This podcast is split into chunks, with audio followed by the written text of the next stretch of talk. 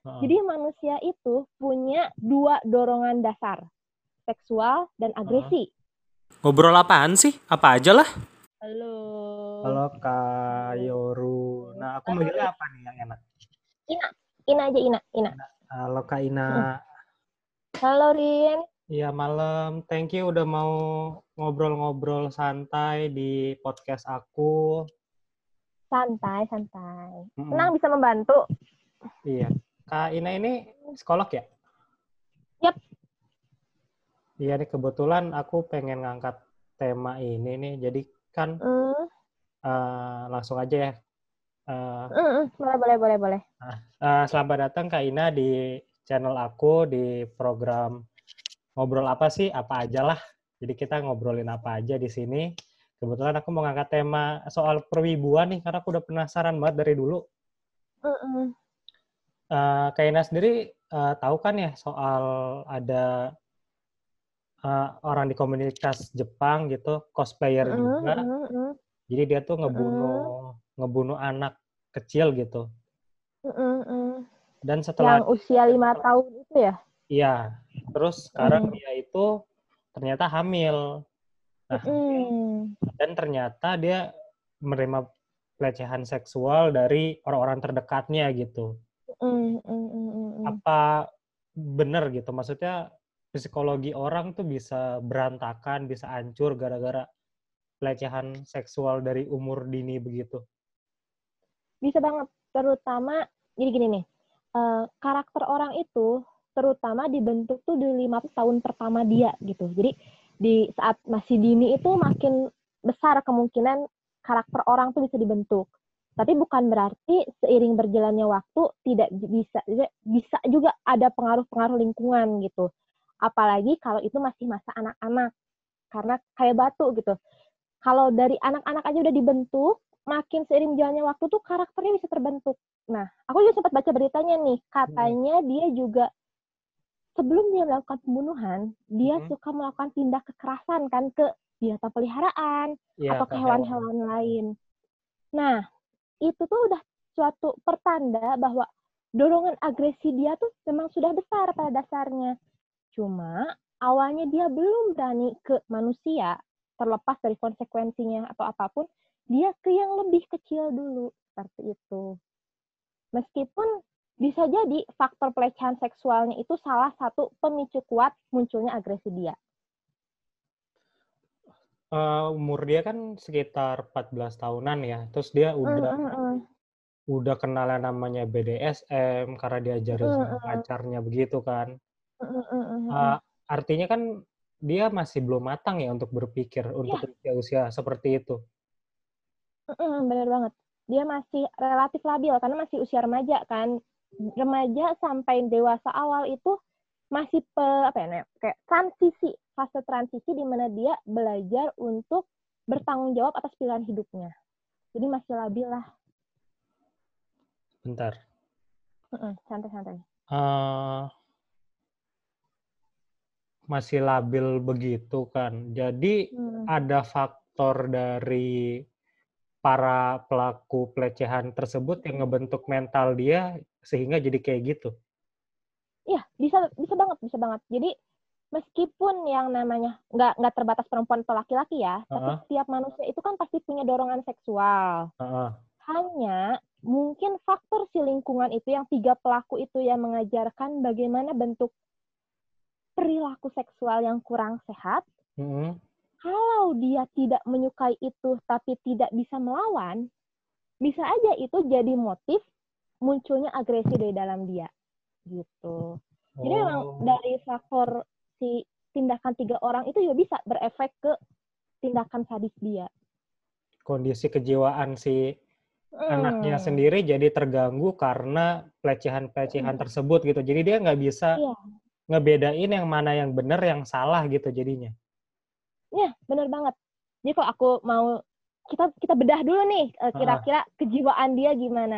Jadi manusia itu punya dua dorongan dasar, seksual dan agresi.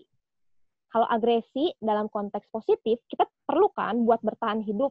Iya, Nah, misalnya nih kalau Rin diganggu sama orang, kita harus survive nih, harus bertahan. iya. Kita perlu agresi. satu lagi seksual untuk mempertahankan garis keturunan. Ini sama kayak hewan, tapi bedanya kita punya moral Mm-mm. untuk membedakan mana yang baik dan yang benar. Nah, si dorongan alam bawah sadar ini dan si moral yang kita anu tuh terus bergesekan. Jadi mana nih yang lebih dulu? Apakah dorongan atau aturan-aturan? Hmm. Nah, untuk kasus si eh, pelaku ini ya, atau kita sebut aja namanya inisialnya apa sih? Aku lupa. NF. NS. Nah, ya, Nah, NS, NF. NF ya. Ah, NF. Untuk NS ini, di saat eh, dia melakukan pembunuhan, jelas dorongan alam bawah sadarnya itu yang lebih dorong, yang lebih maju. Dia sudah Hmm. mengabaikan yang namanya aturan bahwa membunuh itu salah, atau melakukan tindakan kekerasan itu apa ke anak kecil, itu jelas merugikan orang lain gitu. Dia udah nggak nggak jalan sih moralnya, dorongan dia yang menang. Faktor eh, bisa dorongan yang menang ini bisa jadi karena memang dia tidak diajarkan atau lingkungan dia tidak memberitahu bahwa tindakan-tindakan seperti itu salah. Misal Hmm. pelecehan seksual yang terlalu Hmm. sering dia terima, padahal pelecehan seksual salah, bener nggak? Iya, betul. Heeh. Nah, tapi karena dia sering terima, secara nggak langsung dia mulai menanamkan pada diri dia, oh mungkin itu tidak apa-apa. Nah, itu yang salah. Jadi karena terbiasa, si aturan moral da- moral dalam diri dianya mulai mulai goyah gitu. Eh, dia kan melalui apa mendapat perlakuan terus mendapat kasus Mm-mm. seperti itu di usia yang Mm, menurut aku sih muda banget ya 14 tahun gitu loh. Dia bahkan untuk cukup umur aja belum gitu masih tiga tahun lagi kan 17 tahun gitu. Iya, iya, iya, iya. Masih SMP kan ya kalau nggak salah dia. SMP apa SMA ya? 14 tahun tuh SMP ya. Tahu kalau kalau angkatan anak zaman sekarang sih kayaknya SMP kan karena Masih 7 SMP tahun ya? baru SD ya. Ini tuh masih Heeh. kecil banget gitu kan.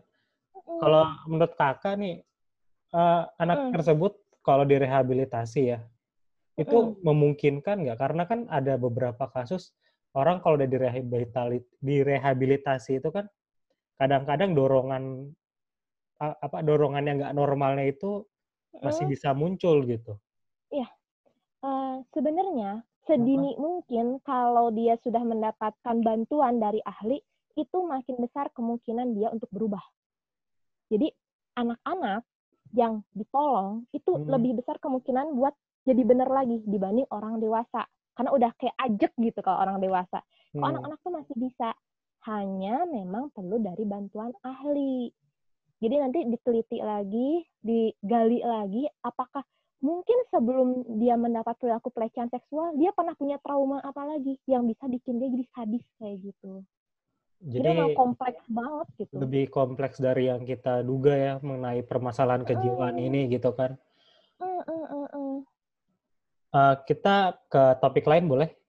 Boleh, boleh, boleh, boleh. Ah, bebas, bebas. jadi kita mau bicara banyak soal perwibuan nih karena aku kan cosplay udah lama Hmm. nih dari tahun 2007 ya.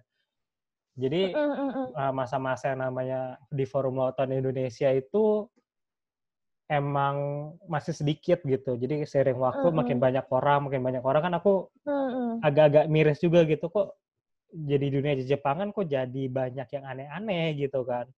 Aku pengen tahu gitu dari sisi psikologis tuh apa yang terjadi sih? Karena kan kita kalau nonton anime terus atau nonton drama Jepang gitu kan kita kita Mm, diajarin untuk menghargai manusia, bagaimana memanusiakan Mm-mm. manusia gitu kan.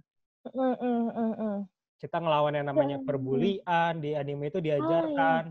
Gimana caranya di anime tuh ngajarin kita yang namanya menghargai teman, bersama teman gitu kan. Terus sekarang sekarang tuh situasinya tuh kayak eh apa ya? Kayak orang tuh udah melupakan itu gitu. Kayak Mm. perbulian banyak gitu orang dari kalangan wibu sendiri gitu kan kalau menurut Hmm. Kaina tuh kan baru-baru ini ada kasus juga kan kayak misalnya yang Hmm. Inisialnya S dia upload Mm. video suaranya dimutin terus banyak orang nggak Mm-mm. suka di di sindir-sindir di sarkasem gitu kan kalau menurut Mm, aku mm, itu mm. kan kayaknya ngapain sih ngabisin energi buat gituan gitu maksudnya Mm, mm. eh, bukannya kalau kita ngebully orang malah nanti orangnya bisa stres, bisa bunuh diri kan Mm. banyak banyak wibu yang banyak wibu sama cosplayer yang ngancam mau bunuh diri kan bahkan ada yang udah bunuh diri Mm. Yang inisial SW itu pernah masuk berita dia bunuh diri Mm. karena tertekan segala macam kan Mm-mm. kita jadi yang nge, nge, ngeciptain Hmm. kondisi di mana eh, terjadi hal-hal seperti itu kalau kayak gini terus kan itu dari sisi psikologis gimana tuh kenapa kita nggak selaras sama tontonan yang kita tonton gitu malah kita jadi pembuli gitu Hmm. atau double double hiprokit apa hiprokit ya kalau bahasa standar ganda Ini gitu hipokritnya. Heeh. Untuk kasus perbulian dulu aja ya di Iya. kalangan wibu gitu. Terkadang memang orang ketika Hmm. menonton mau anim atau membaca manga, semakin dia merasa ada eh, ikatan batin atau makin dia suka, itu memang akan makin dia serap Eh, baik itu ceritanya atau misalnya kayak contoh-contoh baik dari anime tersebut Mm-mm. sayangnya eh, seiring berjalannya waktu dari pendidikan aja pendidikan kita saat ini tuh mulai mengabaikan aspek moral jadi akhirnya ketika kita menonton tayangan televisi pun yang diambil bukan aspek moralnya lagi tapi cenderung kayak visual terutama itu yang paling gampang diterima makanya kebanyakan perbulian di eh, percosplayan atau Hmm. eh, peridolan itu karena visual. Apakah visualnya tidak sesuai dengan karakter animasinya atau Hmm. juga memang tingkah lakunya? Karena kecenderungan kita saat ini tuh sudah mengabaikan aspek moral dari pendidikannya juga gitu. Itu yang sangat disayangkan. Eh, aku nggak mau ngebahas soal masalah ini pemerintah atau apa ya, cuman memang Iya. penanaman moral sejak dini itu sangat penting. Karena yang namanya anak-anak ya terutama sampai remaja itu mencontoh lingkungan sekitarnya, termasuk Hmm. dalam dunia wibu. Mm-mm. Ketika mungkin kalau zaman zaman kita ya masih 2007, Mm-mm. masih dikit tuh yang cosplay. Heeh. Ketika kita ketemu sama sesama teman yang cosplay, yang ada kita senang duluan dong. Wah, ada yang Iya, jadi cosplay ini atau apa. Sekarang seiring makin banyaknya orang, Heeh. dan mungkin awalnya para keyboard warrior teh baru satu dan dua gitu. Mm. Tapi ketika orang-orang melihat bahwa orang-orang yang jadi keyboard warrior itu jadi ke-up, dia terkenal. Dan ternyata perilaku seperti itu mereka menganggapnya tidak salah. Nah itu yang jadi Hmm. contoh tidak baik. Akhirnya mereka mengikuti. Ada kan yang memang dia ngebully cuman dalam rangka pansos. Pengen Iya. dilatih. Iya. Nah, karena awalnya ketika mestinya itu, ketika ada perilaku yang salah, lingkungan sek- sekitar itu harus memberitahu bahwa kamu salah, kamu nggak boleh kayak gini. Itu yang seharusnya, biar dia belajar untuk tidak mengulangi. Tapi ketika dia melakukan sekali dan ternyata respon lawan itu dia suka, dia kayak Mm. sebut saja aku nih, misalnya aku mau caper kerin, Mm-mm. terus aku ngebully Rin gitu, eh kamu kok gendut, eh kok kamu kok nggak cocok deh cosplay ini, terus sama Rin ditanggepin. Mm-mm. Padahal selama ini aku suka mujirin nih, misalnya, Irin ganteng banget, tapi Rin Mm-mm. biasa aja cuma terima kasih. Nah, sebagai fans, kita kan pengen di approach lebih gitu ya. Mm-mm. Oh, ketika ngebully, dia lebih ngewaro aku. Ya udah diulangi. Inilah proses Oh. pembelajaran yang salah. Oh Jadi gitu. kebanyakan memang yang bully itu sebenarnya caper. Mereka pengen di pengen apa ya? Pengen lebih diwaro, pengen Pengen- lebih saat kayak gitu. Pengen lebih diwaro baik dari yang dia bully sama dari respon komunitas dan orang sekitarnya gitu. Bener banget. Makanya ketika Sama kita mengeluarkan bad word atau kita mengeluarkan kata-kata yang nggak pantas gitu, orang-orang malah senang gitu, malah diulangin lagi, Iya. diulangin lagi dan diulangin lagi gitu, sehingga jadi kebiasaan baru Nah. gitu ya. Oh. Nah, akhirnya jadi kebiasaan yang dia nggak udah nggak ngelihat itu sebagai perilaku salah lagi, tapi dia merasa dengan dia melakukan perilaku itu, dia mendapatkan atensi, dia mendapatkan perhatian, dan dia suka itu, ya udah dia ulangin. Jadi semuanya cuman buat panggung gitu ya. Karena nggak ada Hmm. panggung, nggak dapat panggung, dia pengen cari panggung gitu. Nah, itu benar banget. Kan eh, suatu hal yang lumrah gitu ya untuk eh, Heeh. makhluk sosial kalau kita ingin mendapatkan eh, penghargaan Mm-mm. dari orang lain. Kita ingin mendapatkan suatu eh, afeksi, ingin mendapatkan atensi. Hanya saja baiknya kita tuh tahu gimana sih cara yang tepat untuk meminta perhatian secara positif. Sayangnya, makin banyak jumlah manusia, makin banyak persaingan, orang tuh kadang menghalalkan segala cara biar dapat atensi, termasuk Hmm. melakukan tindakan-tindakan yang sebenarnya tidak sesuai dengan norma. Kayak gitu. Sayang banget sih, ironis gitu kan ya. Iya, kita betul, mengundang- betul. Hmm, Ironis. sedih. heeh. Aku nggak mau ke rembet ke yang lain karena kan aku lebih senang Mm. nonton Jepang gitu ya, walaupun berbeda Mm, nonton mm. Korea gitu. Ya Mm, itu mm. sih yang aku mirisin gitu kan kayak, hey guys, kayaknya kalian terlalu buang-buang waktu buat ngehujat Hmm. orang ini deh. Banyak influencer lain yang ngajakin nggak, yang ngajarin nggak bener gitu loh. Maksudnya Hmm, kenapa nggak kalau emang kalian ngerasa diri kalian bener, kenapa nggak buat sesuatu jadi versi yang lebih baik tapi nggak iniin ke orang yang nggak pantas gitu itu kan nggak pantas gitu Hmm. Nah, itu dia. Mereka udah nggak peduli masalah ini pantas atau enggak. Yang penting gue beken, gue terkenal, gue diwaro.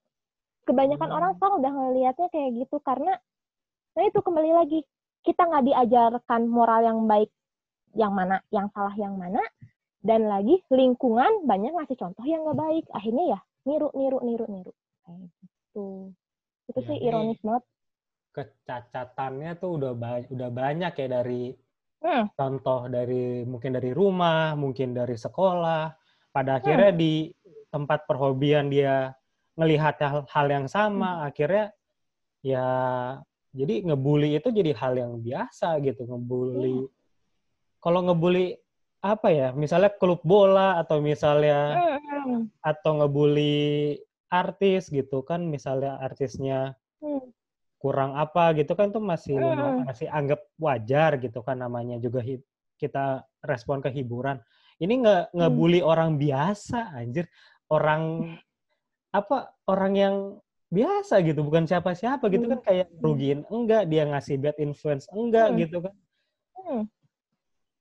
Nah itu jadi eh, kadang kan itu eh, si siapa sih nama istilah is- eh, inisial si cewek itu TS ya kalau nggak salah. si S kalau nggak salah. Ya ya ya. yang diimut-imutin itu yang dari tadi pagi tuh Ya. muncul terus videonya ya ampun Nah, gitu kan Aku tuh sempat sampai ngeliat itu ada katanya sih temennya dari si S itu yang nge-share kalau memang ini di rekaman dia yang lain memang suara dia tuh tipe suara yang tipe suaranya tipis gitu. Hmm. Cuman ketika di video itu mungkin karena memang konteksnya itu ceritanya lagi jadi imut gitu ya sama dia tambah diimut-imutin dan ternyata viral gitu videonya.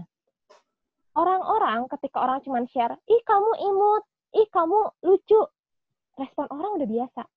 Iya. Tapi ketika dia meresponnya negatif, orang lebih kayak kenapa sih tayangan infotainment gosip itu lebih banyak yang nonton daripada tayangan eh, kalau sekarang sih karena berita banyak yang negatif juga ya, banyak yang nonton dibanding eh, tayangan informatif. Hmm. Banyak. banyak. Karena nah, karena memang eh, orang orang itu lebih senang bergunjing. Jadi aspek negatif itu karena kita lebih memakai ini eh, apa sih emosi kita daripada otak kita. Hmm. Kita lebih gampang gitu. ters apa ya? Terstimulus, eh, tercolek gitu si emosinya ketika kita ngeliat bahas yang negatif dibanding yang positif gitu. Sama halnya kayak kalau ini nggak apa-apa lah ya kita bahas agak-agak sedikit menyimpang. Iya. Kayak eh, orang eh, ada istilah eh, blue film itu menyatukan semua orang Mm-mm. karena itu adalah aspek kesenangan yang sangat amat sangat eh, terstimulus emosi. Karena Mm-mm. kan blue film itu menjadi suatu hal tayangan yang disukai oleh banyak orang gitu. Iya. Jadi akhirnya emosi yang dipanggil bukan karena kayaknya menggugah emosi itu lebih mudah daripada kita mancing buat mikir. Sedangkan tayangan-tayangan informatif tuh mikir. Kalau ngebully orang kita nggak perlu mikir, Nggak perlu mikir. emosi aja yang main Ah. gitu. Em, sama kayak film Korea. Ah, Rin tadi ngebahas Korea juga kan? Nggak Ingat nggak? Ada- Pernah sering nonton, lagi sering nonton. Ah, lagi sering tahu dong ada eh, film eh, drama Korea terbaru soal yang eh, pelakor yang World sampai of Merit itu. Nah itu Ah. sampai orang Indonesia itu banyak netizen Indonesia yang akhirnya ngebully si artisnya. Heeh. Sebenarnya kan itu karena para penonton saking terbuai, saking terbawa emosinya, dia sudah mengabaikan yang namanya aspek rasional kalau itu tuh acting. Iya, itu dia. Itu banyak kejadian di sinetron lokal juga kayak Adipura Hmm. dulu kan. Adipura dulu dikira Hmm. orang jahat beneran gara-gara dia Iya, iya, iya, iya. peran jahat gitu kan. Itu yang Iya. lucu sih gitu kan nggak bisa bedain mana acting, mana real life gitu kan. Padahal kan real life-nya Iya. belum tentu kayak gitu orangnya. Hmm, karena ketika eh, aspek emosi udah sangat tergugah, itu pun memblok. Jadi kalau ini kalau susunan otak ya, Hmm. ketika emosi kita udah sangat tergugah, bagian logika itu rasanya lumpuh. Makanya ada Hmm. istilah cinta itu buta. Ngobrol apaan sih? Apa aja lah?